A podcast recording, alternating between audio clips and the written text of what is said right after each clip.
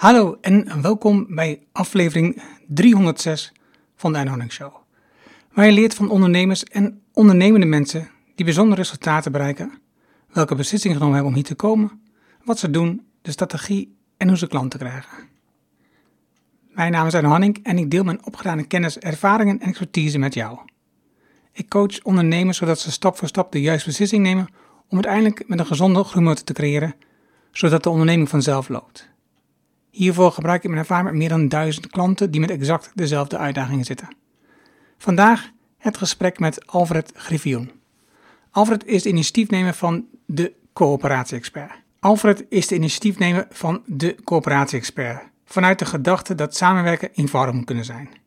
Hij weet als geen ander de vertaling te maken tussen de doelstelling en het verdienmodel van een samenwerking en de juridische structuur die daarvoor nodig is. Samenwerkingen die werken, is zijn motto. En als ondernemer past hij dat zelf ook dagelijks toe in Nederland en internationaal. In mijn onderzoek naar eigenaarschapsvormen voor bedrijven kwam ik al een paar keer uit op coöperaties. Alfred heeft me van alles uitgelegd over coöperaties, wat de voordelen zijn, wanneer je het wilt gebruiken en wanneer juist niet. En wat een coöperatie betekent voor je eigen bedrijf naast de samenwerking met andere ondernemers. Hij legt ook uit hoe de coöperatie voor hem werkt en dat hij daarnaast een BV heeft. Het is een leerzaam gesprek dat je zeker wilt luisteren wanneer je een samenwerking overweegt met een aantal ondernemers. Luister daarom nu naar de inzichten van Alfred. Laten we beginnen. Welkom in de Erno Hamming Show. De podcast waarin je leert over de beslissingen om te groeien als ondernemer met je bedrijf. Luister naar de persoonlijke verhalen van succesvolle ondernemers en ondernemende mensen. Dan nu, jouw business coach, Erno Hamming. Welkom in de nieuwe podcastaflevering, de Erno Hanning Show, ehm, met dit keer Alfred Griffioen. En welkom Alfred. Oh. En Alfred is expert op het gebied van coöperaties. En ik heb net al uitgelegd dat uh, in ons voorgesprekje dat uh, hoe ik bij Alfred ben gekomen, dat is uh, via Pieter van Os. Omdat hij een bepaald moment onderzoeken was hoe dat met een coöperatie, hoe dit zou kunnen inrichten. En daar hebben we laatst over gesproken. En toen vroeg een klant van mij, een coachingsklant van mij, van ik denk overweeg om met een coöperatie te starten in een samenwerking. Wie moet ik daarvoor hebben? En toen heb ik Pieter om die naam gevraagd. En nou, dat heb ik aan die dame doorgegeven. En um, maar toen dacht ik, ah, eigenlijk is het wel een mooi vervolg om uh, een gesprek aan te gaan met jou uh, over ja, de eigenaarsvorm, eigenaarschapsvorm van bedrijven. Ik heb daar al met verschillende ondernemers uh, gesprek over gehad. Onder andere met Sebastian Klein als ervaringsdeskundige, maar ook um, met de, de um, Steward Ownership Expert in Nederland. En met de persoon die het heeft over aandelen die je kan verdelen over het hele bedrijf. Dus ik zal die links ook van die podcastaflevering in de show notes opnemen, zodat je daar eventueel ook naar kunt luisteren. Maar vandaag gaan we het hebben over um, coöperaties en samenwerkingsvormen. En, maar om even te kijken hoe jij tot deze samenwerkingsvorm expertise bent gekomen, uh, ben ik benieuwd uh, naar een beetje waar je vandaan bent gekomen. En, want je hebt gestudeerd aan de Universiteit Twente, uh, werktuigbouwkunde. Ja, dat, dat klopt. Dus dat, dan zou je niet denken van dat je daarmee in een soort, soort semi-juridische um, uh, vakgebied terecht gaat komen. Nee. Um, maar dat is, toch, dat is toch gebeurd bij mij, uh, via wat omwegen. Um, het leuke aan de studie werktuigbouwkunde is, is dat je wel heel erg modelmatig werkt. Dus als je een probleem hebt, dan ga je niet direct uh, met allemaal getallen zitten rekenen. Nee, eigenlijk je leert er eerst een soort modelletje van te maken.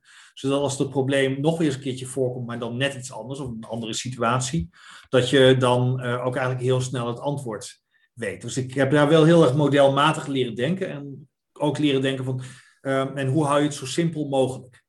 Want ook al heb je een hele grote formule die je op een gegeven moment hebt, je leert hem steeds kleiner en kleiner te maken, zodat je alleen nog maar die variabelen in hoeft te vullen die nodig zijn om tot een goed antwoord te komen. Dus dat, dat is er wel een beetje in blijven zitten. Um, ik ben met mijn werktuigbouwkundige ben ik bij KPN terechtgekomen. Uh, bij de afdeling die de netwerken aanlegde voor KPN. In, dat was in 96. En uh, ik kwam er in een heel leuk project terecht om twee bedrijfsonderdelen te laten samenwerken. En die bedrijfsonderdelen die werden allebei profit and loss verantwoordelijk. Dus hadden dus een eigen winstverantwoordelijkheid. Uh, maar de een gaf heel veel opdrachten aan de ander. Dat was een hele grote opdrachtenstroom. En hoe zorg je er nou voor dat beide onderdelen dus um, een goede, uh, dus wel op de kosten letten. En uh, aan de andere kant uh, zonder daar nou een enorm circus tussen te maken. Met allemaal offertes die er gemaakt moesten worden en die beoordeeld moesten worden en waar er onderhandeld moest worden. Nou, daar heb ik toen een oplossing voor gevonden. En zo ben ik eigenlijk gerold in um, samenwerken tussen bedrijven. En dat, dat heeft me eigenlijk niet meer losgelaten. Wat, wat was het ene bedrijf eigenlijk gewoon standaard de leverancier van de ander? Of waren ook nog andere leveranciers? Nee, de, de, de bouwdivisie van KPN uh, was de, de leverancier van de netwerkdivisie. En uh, er waren wel wat kleinere andere partijen, maar uh, het gros was echt, uh, liep via de bouwdivisie. En dus hoe zorg je er nou voor dat die bouwdivisie efficiënt werkt en toch wat druk heeft op de prijzen, zonder dat je dus voor elke opdracht weer, wat, weer moet gaan, een offerte moet gaan maken. En uiteindelijk heb ik een oplossing gevonden door een soort menukaart te maken met items die wel een beetje konden variëren. En waar je dus waar je door de grote volumes ervoor kon zorgen dat je toch kon onderhandelen over de prijs. Zo, zo dat je een product maakt van een dienst. Ja, dat je van een, een, een product inclusief installatie, dus bijvoorbeeld een meter kabel in de grond, ongeacht hoe dik die is, kost altijd nou, 30 euro. Um, dat op zo'n manier ga je dan werken. En of het dan een wat dikkere kabel is of een wat dunnere kabel, daar is dan een soort gemiddelde in. Maar op die manier reken je met elkaar af. En zo had ik uiteindelijk iets van nou, 100 verschillende items ontwikkeld. Samen met een hele groep techneuten aan de ene kant en een hele groep inkopers aan de andere kant. Um, om, uh, om tot een oplossing te komen waarbij je enerzijds wel één keer per jaar kon gaan onderhandelen over wat is dan die prijs voor die meter kabel en kan dat niet een beetje scherper. En aan de andere kant je dus niet voor elke meter kabel in de grond precies van tevoren uh, hoeft te uitrekenen wat die ging kosten, omdat deze toevallig onder tegels lag of die weer onder een stukje asfalt. Ja, en want nu jouw functietitel was, was manager verkoop, eh, als je begint bij de KPN. Ja. Maar hoe kom je dan als werktuigbouwkundige in een verkoopfunctie uit? En dat klinkt voor mij nog steeds niet heel erg logisch. Uh, nou ja, uh, dat, dat was ook wel een beetje toeval. Ik begon eigenlijk als een soort projectleider voor dit, dit samenwerkingsproject. En dat, dat liep uiteindelijk door als een soort manager verkoop. Maar dat was ook heel duidelijk een soort interne verkoop. Dus ik had niet een enorme grote klantenkring. Ik had één onderdeel van KPN als mijn klant. Dus, um, nou ja, goed. En dan heb je, zit je dus heel erg procesmatig te werken. En je zit dus te werken binnen een context van, uh, van één bedrijf, waarbij je toch um, aan, aan twee, de twee directeuren zijn die uh, zeg maar naar een soort maximale winst streven. En als je kijkt naar um, tegenwoordig, als je, als je kijkt naar um, ja, misschien een goede vraag. Als de, Anglo-Saxisch, dan denk ik daar streven naar maximale winst. En, um, ja, en ik kan me voorstellen dat de KPN daar goed in past, in dat model. Hè, met aandeelhouders en uh, uh, focus op winst. En, en, dat klinkt ook zoals je twee divisies maakt, die allebei dan um, winst of verantwoordelijk zijn, terwijl je eigenlijk aan, gewoon aan elkaar levert. Mm -hmm. um, zie, zie je dat zie je dat tegenwoordig anders? Met, heb, je, heb, je, heb je andere ervaringen? Omdat een coöperatie klinkt toch meer als zijnde uh, een samenwerkingsvorm van meer gelijkwaardigheid. Ja, dat klopt. Is wel gelijkwaardigheid, maar er zit wel een redelijk grote parallel in. Want um, je hebt het vaak, een coöperatie is heel veel een samenwerkingsvorm voor ondernemers. En zo is die ook ontstaan. Het waren de, um, de tomatentelers die uh, met elkaar gingen samenwerken om te zorgen dat de supermarkt door het hele jaar doorheen tomaten geleverd kreeg. Je had de boeren, de, de melkboeren, die samen een melkfabriek opzetten om te zorgen dat ze hun melk goed kwijt konden. En die deden dat echt niet omdat dat nou zo ontzettend goed was voor de maatschappij. Die deden dat gewoon uit, uh, uit hun eigen winstmaximalisatie voor hun bedrijf. Dus, en zo is de coöperatie ook opgezet. Als je in de wet gaat kijken, dan is de coöperatie er ook um, voor de stoffelijke behoeften, zoals dat zo mooi heet, van de leden. Nou, dan kun je uh, heel veel met dat in een modernere vertaling meer de economische behoeftes van, van de leden. Uh, het enige is dus dat uh, de coöperatie, um, dus die is relatief multi-inzetbaar. Dus je kunt hem heel goed inzetten voor dit soort situaties waar nou, winstoptimalisatie en bijvoorbeeld gezamenlijke kostenreductie heel erg belangrijk is. het leuke is dat in tegenstelling tot de BV, de coöperatie ook op een aantal andere manieren ingericht kan worden. En ook een heel ander imago heeft. En, um, en dus daar kun je wel heel veel mee doen, waardoor die coöperatie ook veel meer voor bijvoorbeeld uh, social enterprises uh, gebruikt wordt. Of dat er uh, dorps- en gebiedsinitiatieven in de vorm van een coöperatie gestructureerd worden. Dus het kan wel winstgericht, maar het hoeft niet. Ik denk dat dat het belangrijkste is. En, want je hebt nu die maatschappelijke BV die, die eraan komt. En je hebt het dan over uh, corporaties die meer gericht zijn op dit soort. Ja, ja klinkt, als een soort maatschappelijke samenwerkingsvormen. Zie je dat als een. Zie je dat, zie dat, dat uh, de kans toeneemt dat daardoor uh, de behoefte aan corporaties afneemt? Um, nee, nou, nou, nou, stel je een heleboel vragen in, in één keer. Sorry. Je geeft aanleiding voor een heleboel antwoorden. Ja. Um, Nee, in eerste instantie, in eerste instantie waarom kiezen veel mensen voor een coöperatie? Um, een coöperatie um, is, uh, is, is, toch wel een van de meest flexibele rechtsvormen die er in Nederland is. Omdat je bijvoorbeeld op het gebied van zeggenschap en winst heel veel maatwerk kunt leveren. Dus uh, zo is natuurlijk ook al die, die, die coöperatie van, uh, van melkveehouders die samen die melkfabriek gingen doen ook al ontstaan. Waarbij je bijvoorbeeld kunt afspreken dat je de winst verdeelt naar rate van hoeveel melk iedereen levert aan de coöperatie. Um, dus het hoeft niet naar rate van, zoals bij een BV is, hoeveel geld iedereen heeft ingelegd. Dus dat is een van de eerste, die flexibiliteit erin zit. Het tweede is ook dat uh, voor een coöperatie hoef je niet bij elke wijziging terug naar de notaris. Dus bij een BV, elke wijziging in aandelenverhoudingen moet je naar de notaris om dat te laten registreren. Bij een coöperatie kun je dat register zelf bijhouden. Dus dat zijn wel twee hele belangrijke redenen waarom mensen uh, kiezen voor een coöperatie en niet voor, niet voor een BV. Dan, um, en het laatste is denk ik ook wel het imago wat er omheen zit.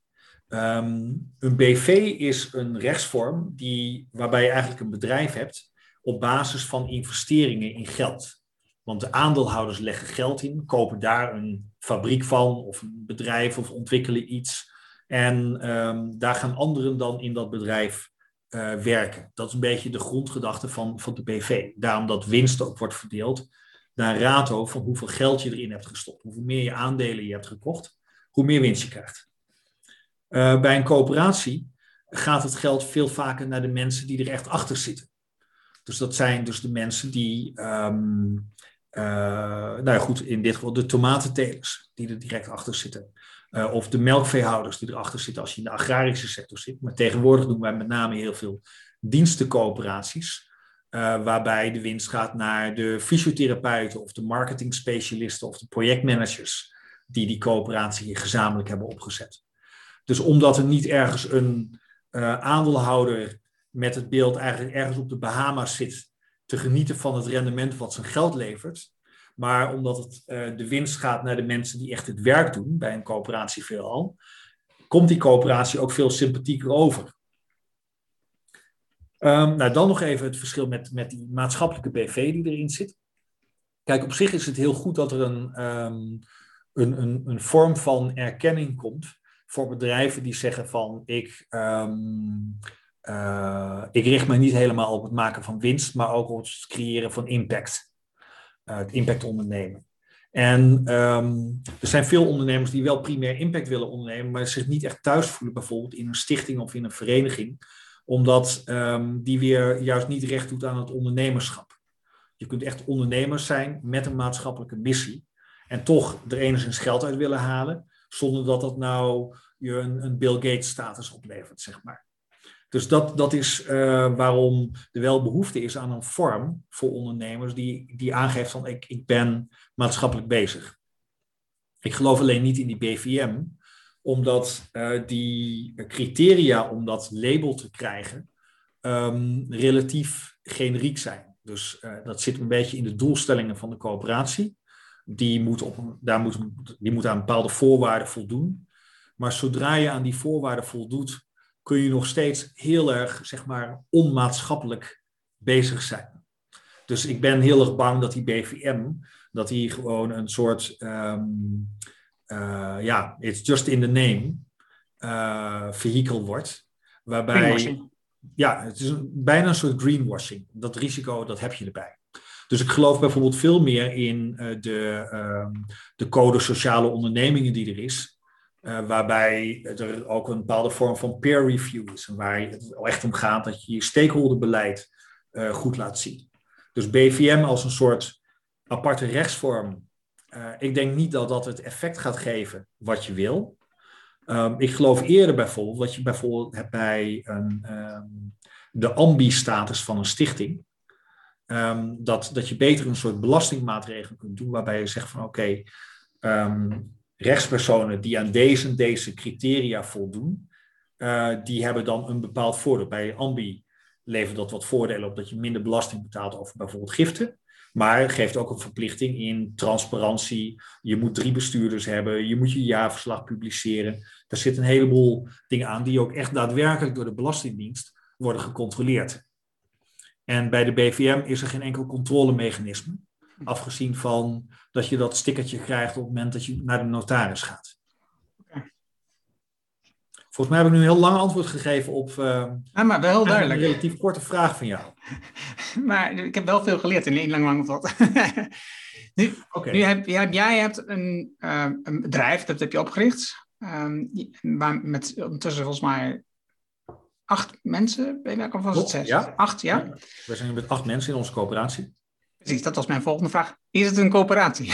ja, het is een coöperatie. Het is de coöperatie-expert UA. UA, dat staat voor? Uh, ja, dat is weer zo'n technisch dingetje bij coöperaties. Dat staat voor uitgesloten van aansprakelijkheid. En als we even in de doseerstand gaan, je hebt drie coöperatievormen, de WA, de BA en de UA. En uh, als de coöperatie failliet gaat, dan zijn de leden ofwel wettelijk aansprakelijk, dus die moeten het hele tekort ophoesten, uh, ofwel beperkt aansprakelijk, dat is dus die BA. Dan uh, moeten ze bijvoorbeeld tot 1000 euro uh, bijdragen in de tekorten. Of ze zijn uitgesloten van aansprakelijkheid. En dat is UA. En dat zijn de meeste coöperaties. Dus van, ik denk dat 99% van alle coöperaties is een coöperatie UA. En die lijkt dan daarmee heel veel op een BV. Dus op het moment dat de coöperatie failliet gaat, kunnen de leden niet aangesproken worden op de tekorten. Net zoals dat de aandeelhouders van een BV alleen maar hun aandelenkapitaal kwijt zijn. En niet um, verder de schulden van de BV uh, in hun uh, mik geschoven krijgen. Waarom zou je überhaupt dan nog kiezen voor beperkt of wettelijk aan, aansprakelijkheid als, als je het, het kunt uitsluiten? Um, ja, dat is een hele goede vraag die je eigenlijk aan de wetgever moet stellen ergens in de jaren 50 of zo, toen dit volgens mij is opgezet. Um, het enige. Nou, um, uh, dan moet ik wel eventjes weer wat geschiedenis graven. Ja. Volgens mij is de, is de Rabobank bijvoorbeeld ontstaan als een coöperatie BA, waarbij iedereen die lid was, uh, eigenlijk daarmee een klein stukje van het kapitaal garandeert. Stel je hebt duizend leden die allemaal voor duizend euro aansprakelijk zijn. Die duizend euro hoeven ze niet meteen op te hoesten, maar je hebt daarmee wel een soort vermogen een soort weerstandsvermogen van een miljoen. Dus met een coöperatie BA kun je dus um, wel enerzijds die aansprakelijkheid af, afbakenen tot een aanvaardbaar niveau. En je hoeft niet meteen, net zoals bijvoorbeeld uh, bij, een, bij een BV, zou je dat kapitaal meteen in moeten leggen. Ja. En dat heb je in dit geval niet. Maar het, het meest logisch, en dat zeg je ook, uh, klinkt gewoon op dit moment, is dat je dus uitgesloten aansprakelijkheid hebt Um, want dan heb je uh, ja, vrijstaande vergelijk met een BV, waar mensen al vrij snel naar kijken. Als je kijkt vanuit, ik ga vanuit eenmanschap naar een BV-situatie, dan heb ik de aansprakelijkheid niet. En eigenlijk kan je net zo goed kiezen dan voor een coöperatie. Uh, ja, dat klopt. Ja. En dan is die coöperatie eigenlijk nog wat, wat, wat flexibeler dan, uh, dan de BV. Maar een coöperatie heb je altijd met meerdere mensen, ondernemers. Um, ja, dat ook zoiets leuks. Je, je moet hem oprichten met in elk geval twee personen. Oké. Maar um, er krijgt geen haan naar als je maar één lid hebt. ja, dus, dat is interessant. Um, ja, dat, is, dat is heel interessant. Uh, dus je kunt, je kunt in je eentje zeg maar een coöperatie zijn. Uh, als je dat zou willen. Maar ja. het, me, meestal zijn het er meer. Ja. ja, nee, dat snap ik. Dat snap ik. Dat snap ik. Uh, um, even terug nog naar jouw um, ontdekkingen bij de KPN. Maar ook de mhm. projecten die je daarna hebt gedaan. Want je bent daarna bij NACAP geweest.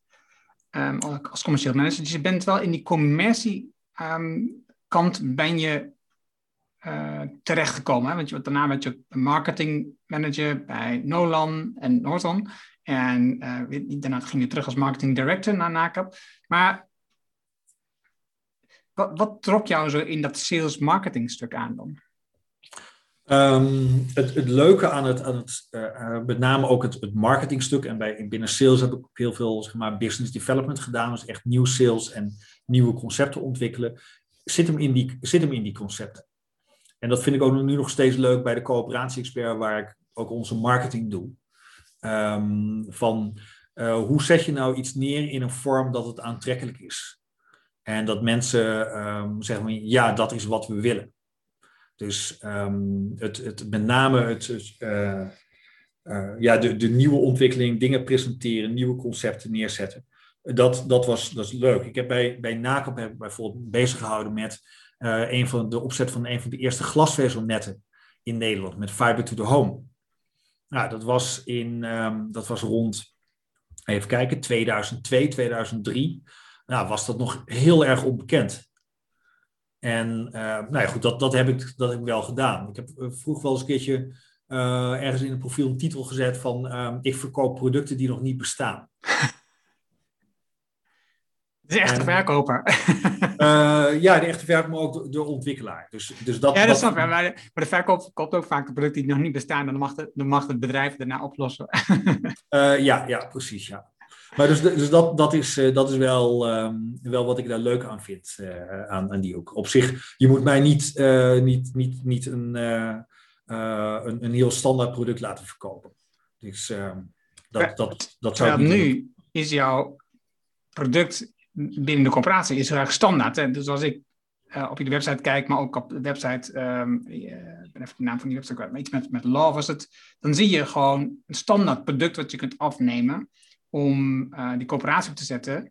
Uh, een coöperatie oprichten voor samenwerkende ondernemers. Dus in twee weken tijd 1490 euro.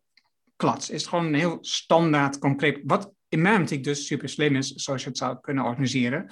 Omdat het voor de klant ook, um, dus dat die website bezoekt uh, of in de communicatie heel snel duidelijk is. Oké, wat houdt het eigenlijk precies in? En, en daardoor veel sneller kan beslissen of die dat wil gaan doen, ja of nee. Uh, klopt. Uh, maar goed, dan, dan is het alsnog kijken van. Uh, kijk, die, die, die standaardproducten zijn met name in die juridische dienstverlening heel erg, heel erg fijn. Want mensen die um, vinden het. Ik vind het zelf ook heel erg onprettig om bijvoorbeeld naar een, een jurist toe te gaan. Dat je ongeveer weet dat vanaf het moment dat je begint te praten, dat de meter begint te lopen. Maar dat je niet weet waar het eindigt. Ja. En, um, en daar hebben we met de coöperatie-expert gewoon helderheid in geprobeerd te brengen. Door te zeggen van oké, prima, je hebt, je hebt uh, een adviesgesprek, je hebt statuten, je hebt andere documenten, je hebt de oprichting bij de notaris. En dat doen we allemaal voor één pakketprijs. Um, want dat, dat vinden mensen fijn. Um, en dan kun je daarbinnen best nog veel, wel veel maatwerk doen. Want met elke groep zitten wij na anderhalf uur uh, in elk geval om, om te kijken van wat wil je nou precies? En hoe passen we dat binnen die coöperatie op de juiste manier in? En daar zijn natuurlijk best wel wat keuzemogelijkheden binnen, binnen dat standaardconcept uh, die je daarbij kunt gebruiken. Mm-hmm. Uh, dan blijft het alsnog van, uh, maar wat voor type coöperaties heb je nou en hoe maak je dat beter en passender? toen wij begonnen in 2010 met die eerste coöperatie, dat waren, dus wel leuk om te vertellen, dat waren vier um, ehm, IT-website-ontwikkelaars. En die noemden zichzelf 40 fingers, want hun 40 vingers waren hun assets. Ze bestaan nog steeds en tegenwoordig met z'n drieën, maar heten nog steeds 40 Fingers, want ze vonden het niet de moeite waard om die naam te veranderen. Maar die, die, na, na tien jaar is die coöperatie er nog steeds. Um, maar goed, dus toen wij in 2010 de eerste coöperatie deden, toen was, um, uh, hadden we eigenlijk maar één type, één type coöperatie. Uh, als je nu gaat kijken, dan hebben we er een stuk of ja, zeven, acht standaard inrichtingen zeg maar, voor coöperaties, omdat we ook coöperaties veel meer doelstellingen zijn gaan uh, maken. En dat, daar zit voor mij wel de, de, de fun in, om um, uh, ook te kijken van hey, waar is behoefte aan en op wat voor manier kunnen we dat gaan invullen. Dus uh, op een gegeven moment werden er ook coöperaties voor inkoop kwamen er langs. Nou, dan kunnen we dat ook gaan, zijn we dat ook ontwikkeld. Um, ik zat op een gegeven moment met een groepje en die zeiden van, goh, Alfred, ken je eigenlijk het boek Slicing Pie van Mike Moyer? Ik weet niet of je het al eens een keer bent tegengekomen. Mike Moyer die zegt van, als je met elkaar een bedrijf begint, zeker een start-up, dan heeft, heb je heel snel de neiging van, oh, we zijn met z'n drieën, dus we krijgen alle drie een derde van de aandelen. Want dat is eerlijk. Dat gaat ervan uit van de veronderstelling dat je ook alle drie er evenveel effort in stopt in het ontwikkeltraject. Nou, dat gebeurt vrijwel nooit, want je hebt misschien ofwel een vierde nodig, of iemand gaat op vakantie, krijgt een nieuwe vriendin, gaat wat dan ook doen. En, um, en profiteert dan, zeg maar, als alles goed gaat, nog wel steeds van een derde van de winst. Nou, dat voelt niet eerlijk. En Mike Moyer heeft een heel leuk concept ontwikkeld, waarbij je eigenlijk kijkt door de tijd heen, bijvoorbeeld elke maand, hoeveel heeft iedereen nou geïnvesteerd in tijd en in geld? Dat brengt hij onder één noemer. Hij noemt het slices, we hebben het later punten genoemd, tegenwoordig noemen we het certificaten. En hoe meer certificaten je opbouwt door de tijd heen, hoe, meer, hoe, hoe groter deel van de winst je krijgt. Dus dat is een veel eerlijker systeem, waarbij je ook halverwege iemand kunt laten instromen, of waarbij het niet zo erg is dat iemand na twee jaar zegt van jongens, gaan jullie maar lekker door. Um, ik stop ermee, maar op basis van wat ik tot nu toe heb geleverd aan werk, hou ik mijn certificaat. Nou, toen die groep bij mij aan tafel zat en zei van, goh, ken je dat boek? En dat een beetje uitlegde. Toen dacht ik van, hé, hey, wacht even. Dit past echt helemaal goed in een coöperatie met zijn flexibiliteit. En helemaal niet in een BV. Uh, dus toen zijn we dat ook gaan uitwerken. En dat is tegenwoordig onze start-up coöperatie. Ja, zo, zo zie je dat dat, dat past. Um, eind 2018 kwam ik in contact, eh, ja, 2018 volgens mij, kwam ik in contact met uh, iVester. Um, Gijs van Dalen-Meurs, die was bezig een platform te ontwikkelen waar ook bedrijven um, eigenlijk hun aandelenkapitaal onder een grotere groep mensen konden uitgeven eigenlijk een soort kleine beursversie voor kleine bedrijven. En um, uh, daar, eh, dat, dat deden zij tot dan toe bijvoorbeeld ook met een, een, een stichting administratiekantoor. Want uh, die, als je een aandelen hebt in een BV en die wil je in allemaal kleine stukjes gaan, gaan geven aan mensen, ook nog verhandelbaar maken, dan zou je ongeveer elke week terug moeten naar de notaris daarvoor. Hm. En daarom stop je dat in een stak, een stichting administratiekantoor, zodat je certificaten kunt uitgeven. Nou, dat sloot ook weer heel goed aan op ons concept. Dus daar hebben wij toen um, ook eigenlijk een heel, hele mooie structuur voor gemaakt binnen de coöperatie. Zodat je dus ook dat soort crowdfunding-achtige uh, of sharefunding-achtige concepten kunt faciliteren. Nou, dat ontwikkelen van nieuwe dingen waar behoefte aan is, ja, dat ben ik blijven doen, zeg maar. Ja, ja. ja het is natuurlijk ook een perfecte rol die je dan hebt als als oprichter en iemand die met marketing, uh, sales uh, altijd bezig is. En gelukkig heb ik heel veel collega's die het ook leuk vinden om gewoon uh, tien coöperaties achter elkaar te doen. En daar de lol uit te halen van de interactie met, met de groep. En ook al is het tien keer hetzelfde type coöperatie. Um, mijn collega Guus doet bijvoorbeeld heel veel energiecoöperaties. Voor groepen mensen die samen op een, op een groot dak zonnepanelen neer willen leggen, bijvoorbeeld.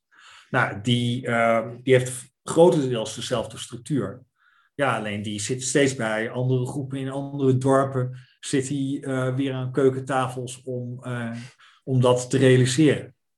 Ja, ja, ja, ik kan me voorstellen dat het aan de ene kant klinkt voor veel mensen natuurlijk, voor een deel van mensen klinkt dat als uh, saai, voor een ander is het dus juist perfect georganiseerd, want ze kunnen telkens de kennis die ze hebben, expertise hebben, toepassen op een, op een vergelijkbare situatie.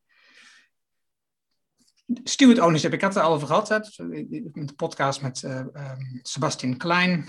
Uh, heb ik over gesproken, die dus steward ownership heeft geregeld in zijn bedrijf. En ik heb daar ook uh, documentaires onder andere um, tegenlicht over gezien.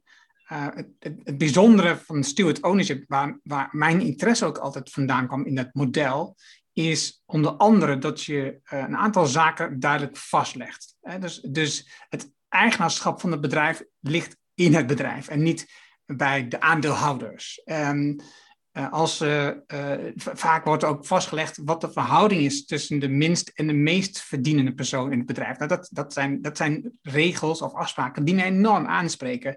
Um, er zit wat af vastgelegd dat je het bedrijf niet kunt verkopen, zodat je als aandeelhouder niet, zeg maar, na verloop van tijd in één keer heel rijk wordt en de rest eigenlijk gewoon continu hetzelfde blijft verdienen. En hoe zie jij hoe zie jij dat steward ownership? Zie je dat zich ontwikkelen in Nederland? Zie je, daar, zie je, dat, zie dat toenemen? Zie je daar meer aandacht voor krijgen, ontstaan?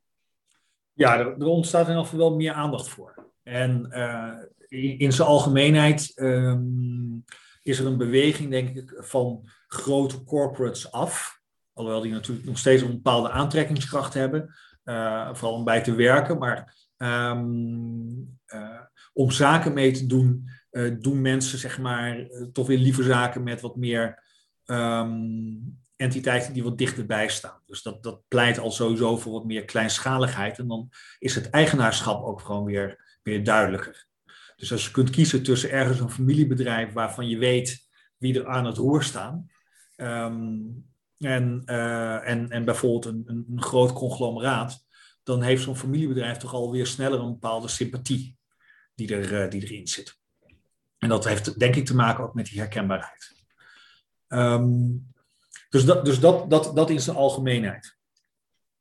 Uh, het, het, tweede is dat, um, uh, wat, wat ik ook wel zie, is um, de behoefte om uh, wat afstand te doen van zeg maar, het, het graaierige. En, en maar continu door te accumuleren in, in, in, in, in rijkdom. Uh, aan de andere kant, en daar zit op zich wel een leuk, interessant spanningsveld, dat heb je in het begin natuurlijk wel nodig. Um, als je zegt van oké, okay, je gaat een bedrijf starten. En dat zijn, in het begin werkt, deden wij ook wel um, social enterprise corporaties op, het, uh, op de principes van Mohammed Yunus. En uh, die zegt dat, ja, precies. Um, die zegt onder meer dat de oprichters er nooit meer uit mogen halen dan dat ze erin hebben gestopt qua uh, geld. Dus dat er geen uh, dividend of een, of of een soort aandelenwinst uitgekeerd mag worden. En dat vind ik weer niet helemaal passend, want um, als ondernemer stop je er ook een bepaalde mate van risico in. Je stopt ergens geld in um, en je hebt ook een kans dat dat geld tot niks leidt.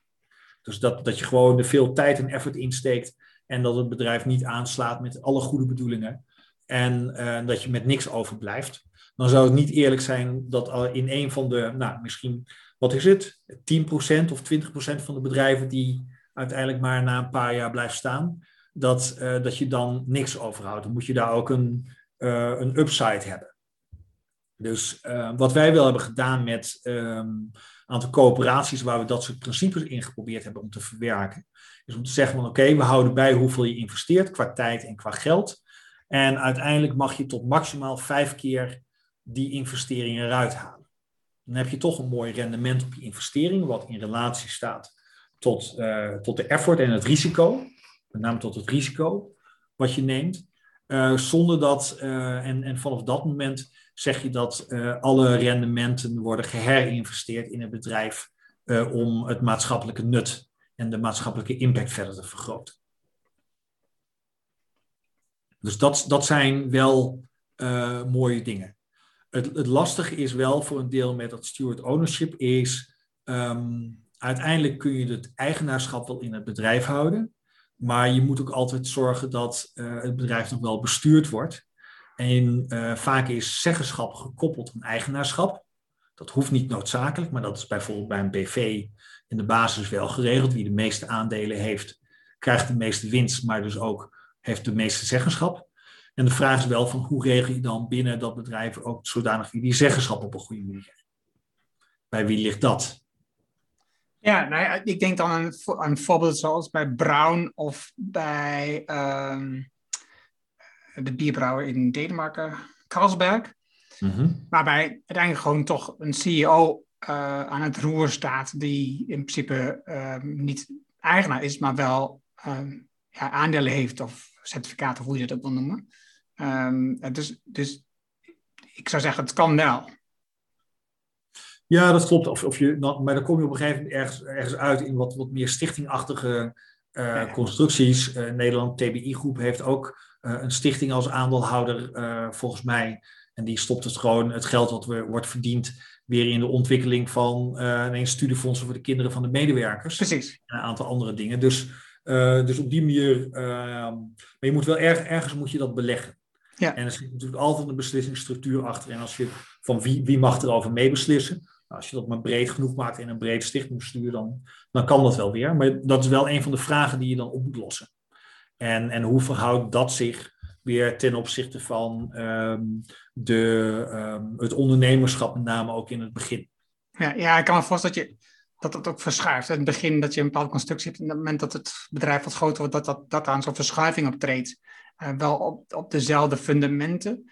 Ehm, maar dat je merkt dat er meer mensen in het bedrijf komen en ook misschien daardoor meer mensen mede-aandeelhouder of mede-eigenaar worden en de zeggenschap anders wordt verdeeld daardoor.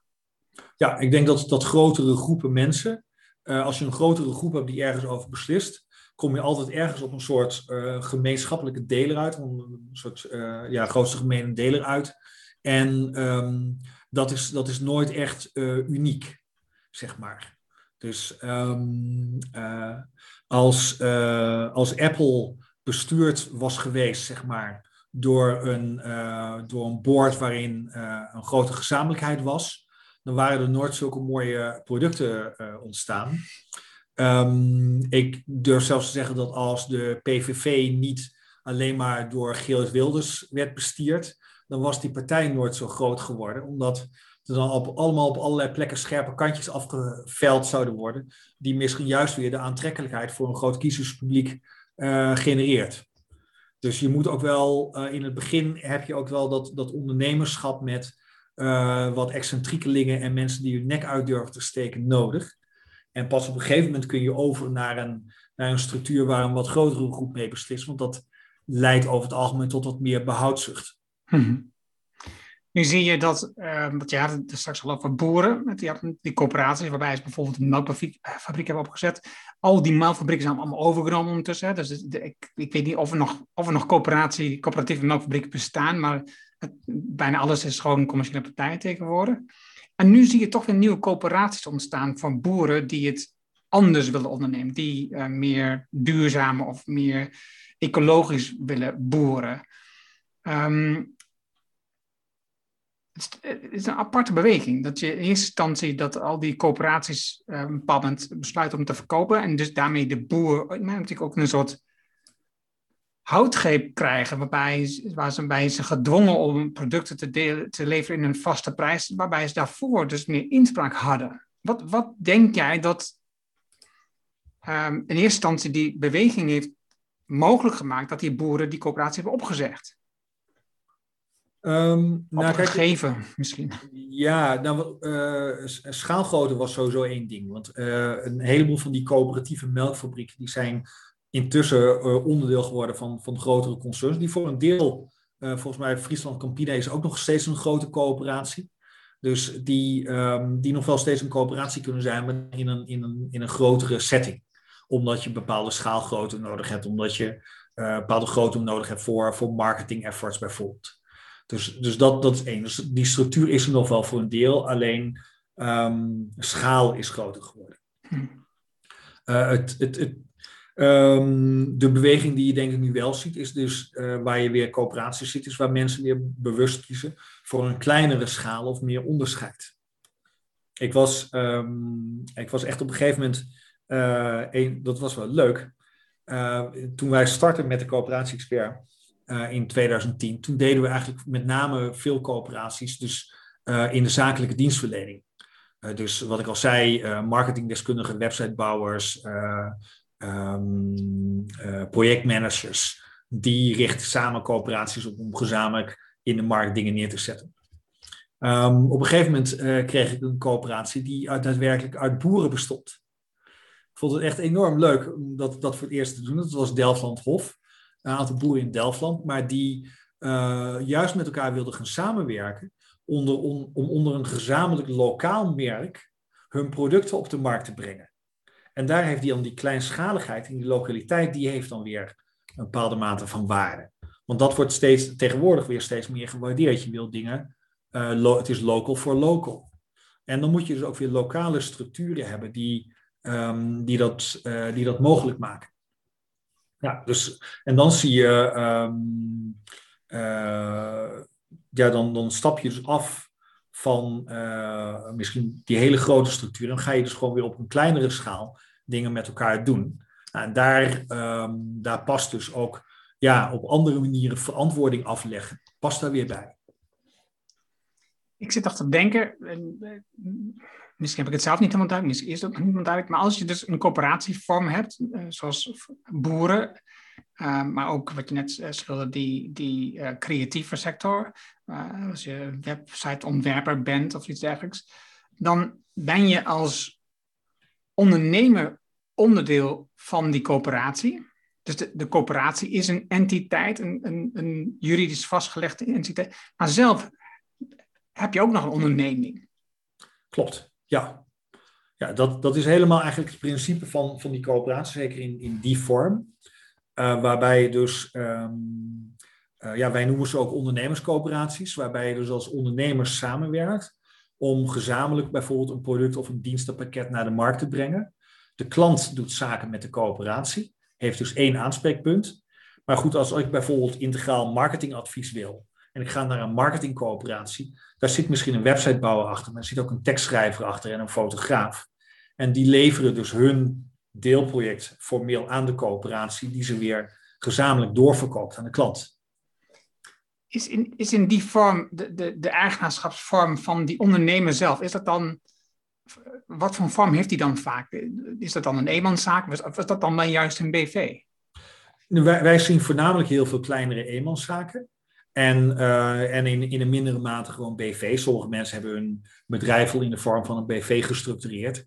Nou, dan, uh, dan werkt het. Maar goed, uh, die BV-structuur is fiscaal alleen weer intrekkelijk als je alweer wat groter bent. Dus dat, dan hangt het weer van risicoprofiel af of je er wel of niet voor kiest. Maar um, uh, ja, er zit echt een onderneming achter. Het, het is de, de coöperatie is een samenwerkingsvorm voor ondernemers daar primair.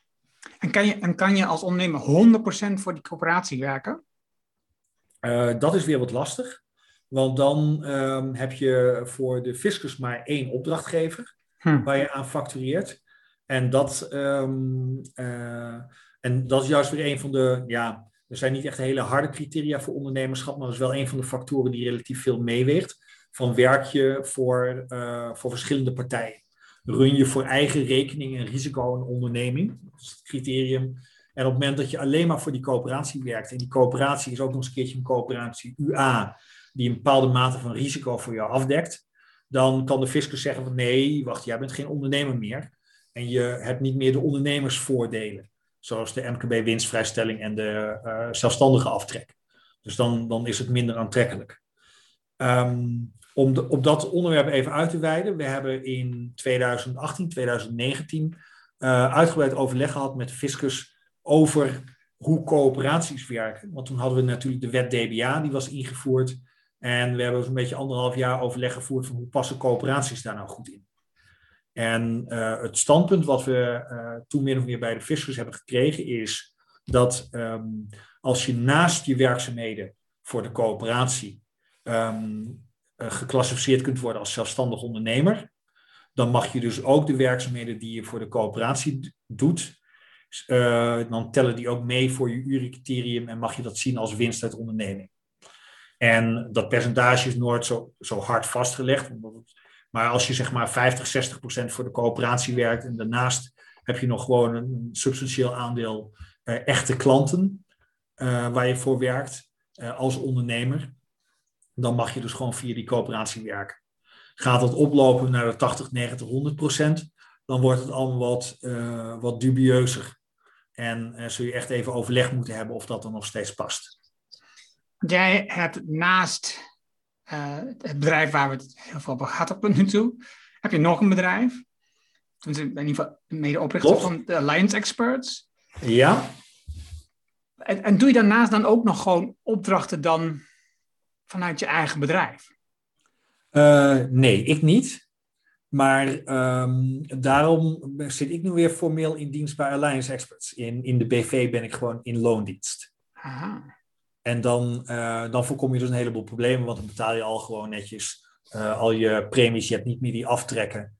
Dus dat is minder gunstig. Maar ja, ik, uh, het was voor mij op een gegeven moment erg lastig om naast de coöperatie-expert en naast Alliance Experts nog een heleboel losse opdrachtgevers te hebben. Dat werd allemaal wat te verwarrend en er nog een eigen merk voor te hebben eventueel. Dus uh, ik ben ermee gestopt. Um, en um, nou ja, goed, dus, uh, dus dat, dat kost je wat, uh, wat, wat, wat belastinggeld, zeg maar, wat je meer betaalt.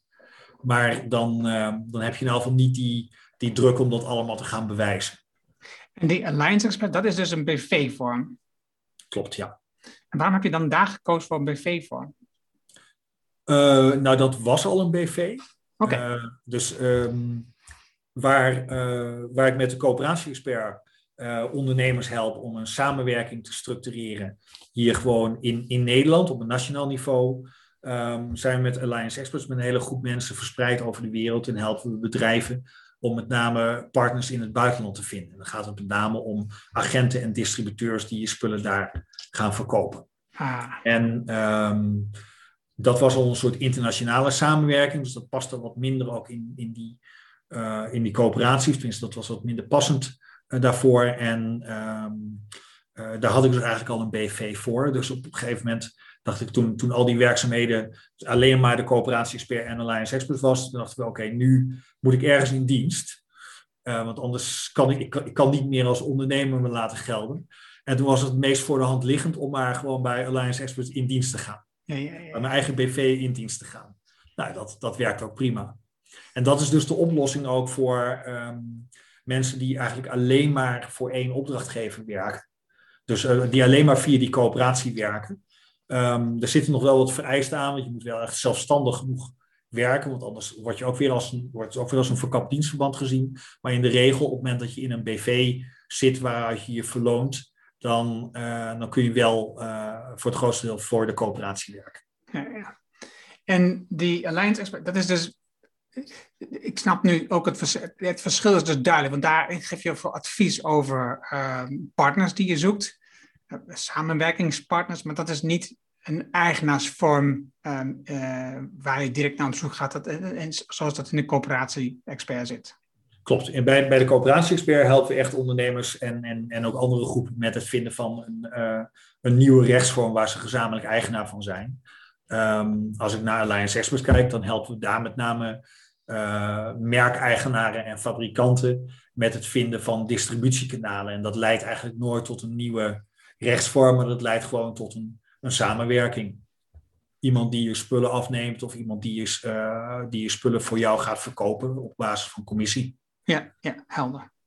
Hey, en jij bent um, in 2008 gestart met, uh, als exportadviseur met Alliance Experts. Um, wat, was de, wat was voor jou Waarom besloot je om uit het werknemerschap te, sta te stappen en werk, uh, je bedrijf te beginnen? Um, Oké, ik, denk dat de basis daarvoor wel uh, voor een deel werd gelegd. Um, ook bij, toen ik nog bij NACOP werkte. Uh, in eerste instantie als, als marketingmanager, waar ik het leuk vond om te kijken van slaat een concept dus nu aan. Alleen op het moment dat je dat in een bedrijfscontext doet, kun je heel veel plannen hebben uh, waar, wat je wil gaan doen. Maar ja, als dat niet, niet in de bedrijfsstrategie helemaal past, dan wordt dat toch altijd weer afgeremd. Dus daar begon het al wel te kriebelen uh, met het ondernemerschap. En ik heb er toen ook marketingopleiding gedaan met NIMA B en C. En daar moet je ook een scriptie voor schrijven voor een nieuw, uh, nieuw businessplan. En, dus, ehm, en ik vond het jammer dat ik daar niet de gelegenheid had om het daadwerkelijk te gaan doen. Nou, toen heb ik op een gegeven moment nog even doorgezocht, want ik dacht van, ik deed toen verkoop in de telecomhoek. Ik dacht van, als ik dit nu nog langer blijf doen, dan blijf ik dat doen tot mijn pensioen. Dus uh, ik dacht, ik moet iets anders gaan doen. Toen ben ik naar een strategieconsultant overgestapt, dat was Nolan Norton. En daar ben ik onder meer ook gaan adviseren aan, aan verschillende bedrijven. En daar, dan krijg je dat trucje van, zeg maar, adviseren te pakken. Want je, je wordt ergens in een bedrijf gecatapulteerd, je moet veel informatie gaan verzamelen, moet je iets verzinnen wat er moet gaan gebeuren en, en dat in gang zetten. Nou, dat, um, dat vond ik leuk om te doen, ook die afwisseling die erbij zat. Um, Nolan Norton was voor mij niet de meest geschikte match uh, qua bedrijfscultuur. Hmm. Um, en uh, dus toen dacht ik van oké, okay, na anderhalf jaar van uh, ik, ik, ik wil voor mezelf beginnen. En ik kon interim aan de slag bij NACAP, waar ik eerder had gewerkt, voor drie dagen per week. Dus dat was fantastisch, want ik had enerzijds had ik mijn inkomenszekerheid met die interim opdracht. En aan de andere kant had ik gewoon twee dagen per week de tijd om te gaan ondernemen en mijn eigen ding uit te proberen. En er zit best wel, dat is denk ik toch wel wat veel ondernemers onderschatten, daar zit best wel wat lead time aan, wat tijd voordat een eigen bedrijf begint te lopen en je daarmee door kunt gaan. Dus dat was een ideale situatie.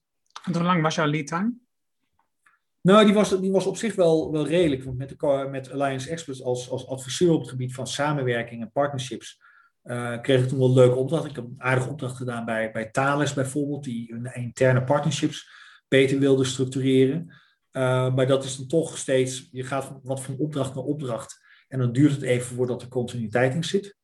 Um, eigenlijk met de coöperatie-expert begon het sneller te lopen. Dus uh, begin 2000, eind 2009, begin 2010 kwam uh, eigenlijk bij toeval het concept op om coöperaties op te gaan richten voor zelfstandige ondernemers. En toen dat eenmaal gestartte, kon ik daar redelijk fulltime mee aan de slag.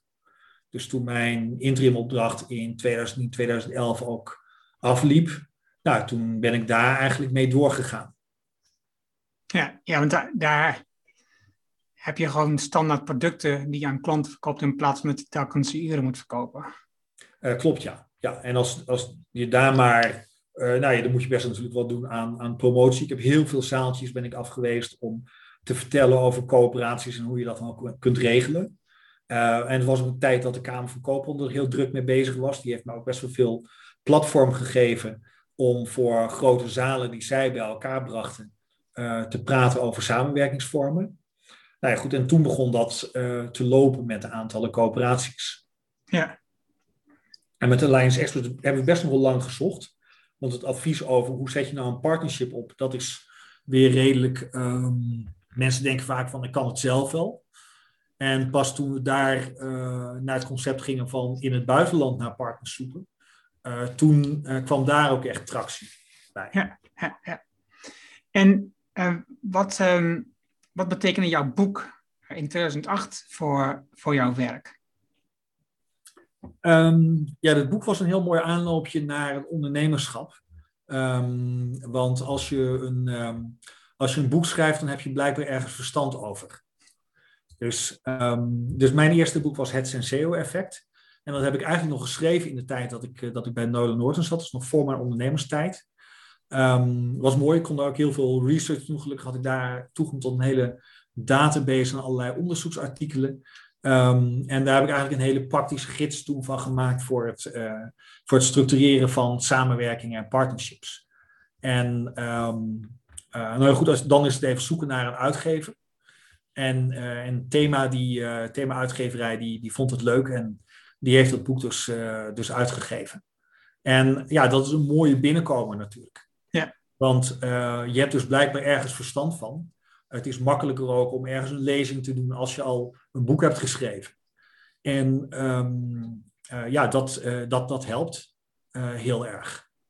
Lezingen was wel een, was een belangrijke bron voor jou voor um, bekendheid en daarmee uiteindelijk klanten. Ja, want je moet een podium krijgen. En, um, en als mensen je eenmaal hebben gezien en hebben gehoord en, en je weet er een beetje een leuk verhaal van te maken en je weet de vragen op een goede manier te beantwoorden, dan krijgen mensen ook vertrouwen van, oh wacht, oh, die weten blijkbaar wat vanaf. Ja. En dan, dan word je ook aangeraden. Ja, precies. Wat was jouw um, afstudeerproject bij NIMA? Um, oh, dat is scriptie. een leuke vraag. De scriptie. Um, ik moet je zeggen dat ik niet eens meer weet. Oh, Dus waar dat nou precies over is, is gegaan. Blijkbaar heb ik het ook, ook, ook een beetje verdrongen. Ja, uh, omdat niet meer ingevoerd. Het, het, het was, um, even kijken, ja, dat is dan ergens, was dat rond 2007 of zo. Dus toen was ik eigenlijk al tien jaar lang, uh, was, ik al, um, was ik al afgestudeerd. Dus ik, zat, ik had ook helemaal niet meer in, ik vond, ik vond die NIMA's vond ik echt uh, ook weer het, enorm terug naar een soort schoolstructuur. Dat, dat stuitte mij wel wat tegen de borst, zeg maar. En um, ik ben afgestudeerd als, als, als techneut. Ik heb gerekend aan het het hoogovens ruwijzer productieproces. Uh, hoe je dat kon optimaliseren volgens een bepaalde methode. En uh, dat, dat was met name het gros van mijn afstudeeropdracht, was het opzetten van een model. En uh, daar rekenen. En er komen allemaal grafieken en conclusies uit. En dan schrijf je er eigenlijk een klein stukje tekst over. En toen moest ik opeens een, een, een scriptie maken met allemaal onderbouwing voor, voor dat NIMA-examen. en ik was dat gewoon niet gewend. Uh, om een scriptie te maken. Want dat, dat had ik nog nooit gedaan, dat had ik nooit hoeven doen in, in mijn hele technische opleiding. Dus dat was wel grootste. Dus ik, ik zakte de eerste keer en de tweede keer uh, slaagde ik met, met een zesje, geloof ik. Dus uh, ik denk dat dat, een, dat dat een episode is die ik heel erg snel heb weggedrukt. Het is mooi, mooi om te horen. Ja, je, had, je had, in 2011 heb je nog een boek uitgegeven, Creating Profit Through Alliances. Was dat, was dat min of meer um, de Engelse versie van het Nederlandse boek? Uh, een beetje. Um, ik heb drie boeken geschreven in totaal. Dus ik ben begonnen met het Senseo-effect. Uh, daarna, uh, ik heb heel veel gelezen over concurrentiestrategie en op wat voor manier kun je nou onderscheiden in de markt. En ik had de behoefte om daar ook een aantal dingen van op een rijtje te zetten en daar mijn eigen modellen in te maken. Want de halve wereld werkte met, um, met, met hele oude uh, structuren van Porter en de Boston Consulting Group en voor een deel nog Tracy en Viersema. Dat waren allemaal van die modellen die ik tijdens die NIMA-studie ook had gekregen, maar sommige waren uit 1980 of eerder. Dus ik had ook echt de behoefte om te gaan kijken van, kan ik daar wat nieuws van maken en, nieuwe structuren inzetten. En dat is mijn tweede boek geworden, de strategieversnelling, over concurrentiestrategieën.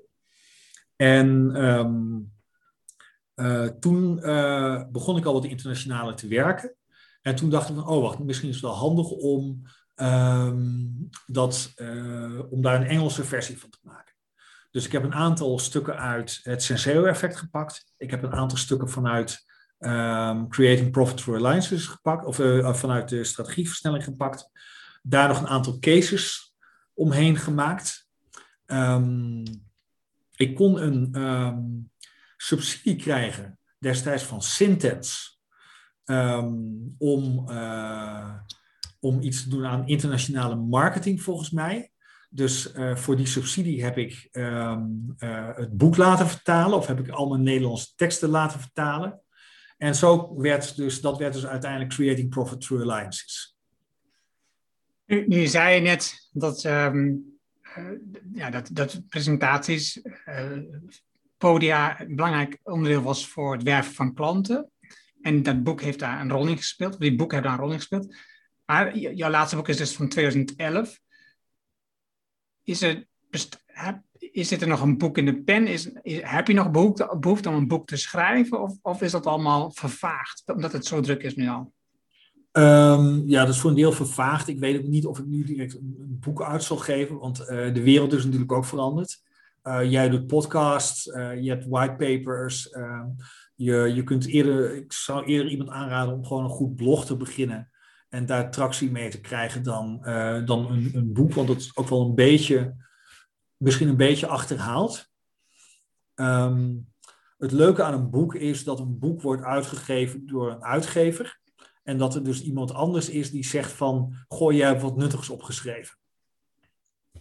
Dus ja. um, overigens zijn uitgevers een tip voor iedereen die nu nog een boek wil uitgeven Uitgevers zijn eerder geneigd om dat over jou te zeggen.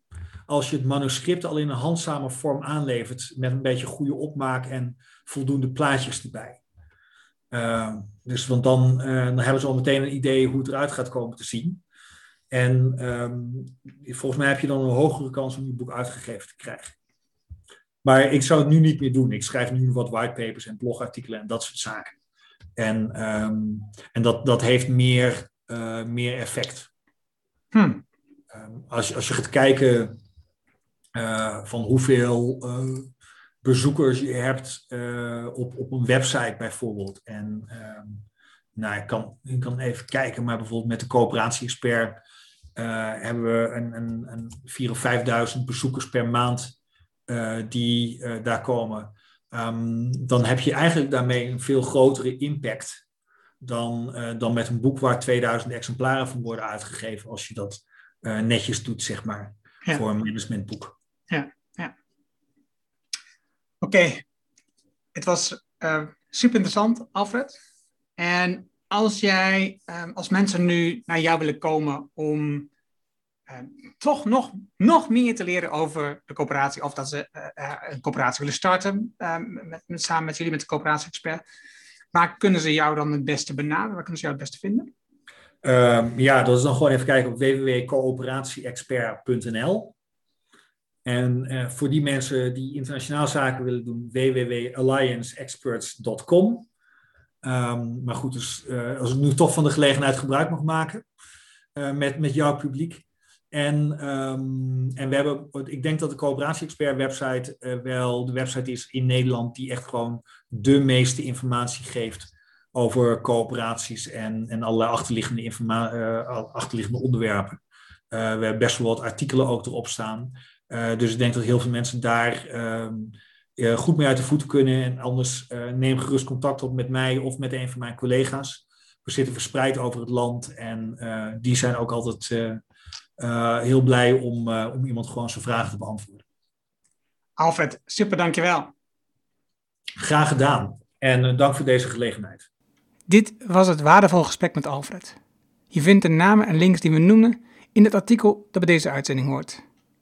Ga daarvoor naar erhoning.nl slash show 306. Wil je vanzelf de volgende aflevering automatisch op je telefoon krijgen? Dat kan als je een iPhone hebt, dan zit daar standaard de Apple Podcast app op. Open deze app, zoek de Ernhoning Show op en klik op abonneer. Heb je een Android-telefoon, dan zit daar niet standaard een Apple. Heb je een Android-telefoon, dan installeer je bijvoorbeeld eerst de Player FM app, opent die app, zoek de Ernhoning Show op en klik op abonneer. Dankjewel alvast. Heb je vragen, opmerkingen, reacties over deze aflevering met Alfred of over de podcast in het algemeen? Stuur dan een e-mail naar podcast.ernorning.nl. Ik hoor heel graag van jou. Wil jij leren hoe je impact zichtbaar maakt om klanten en medewerkers aan te trekken? Wil je weten wat de drie basiswaarden zijn voor resultaat? Hoe je meer resultaat krijgt door minder te doen? En wil je de zeven tips leren om goed nee te zeggen? Vraag dan het boek Betere Beslissingen voor meer impact aan op ernoning.nl. Dit is mijn nieuwste boek en daarom download je het nu helemaal gratis. Je hebt zelfs geen e-mailadres nodig. Er is ook een Kindle en EPUB versie. Wil je de papieren versie van dit boek? Dat kan ook. Je betaalt dan alleen de verzendkosten. Mijn nieuwste boek is altijd gratis. Vraag het daarom nu aan op ernoning.nl. En ik weet, je hebt een volle agenda. Je leest het in één avond tijd. Dankjewel voor het luisteren en graag tot de volgende. Dankjewel voor het luisteren naar de Erno Hanning Show op ernohanning.nl.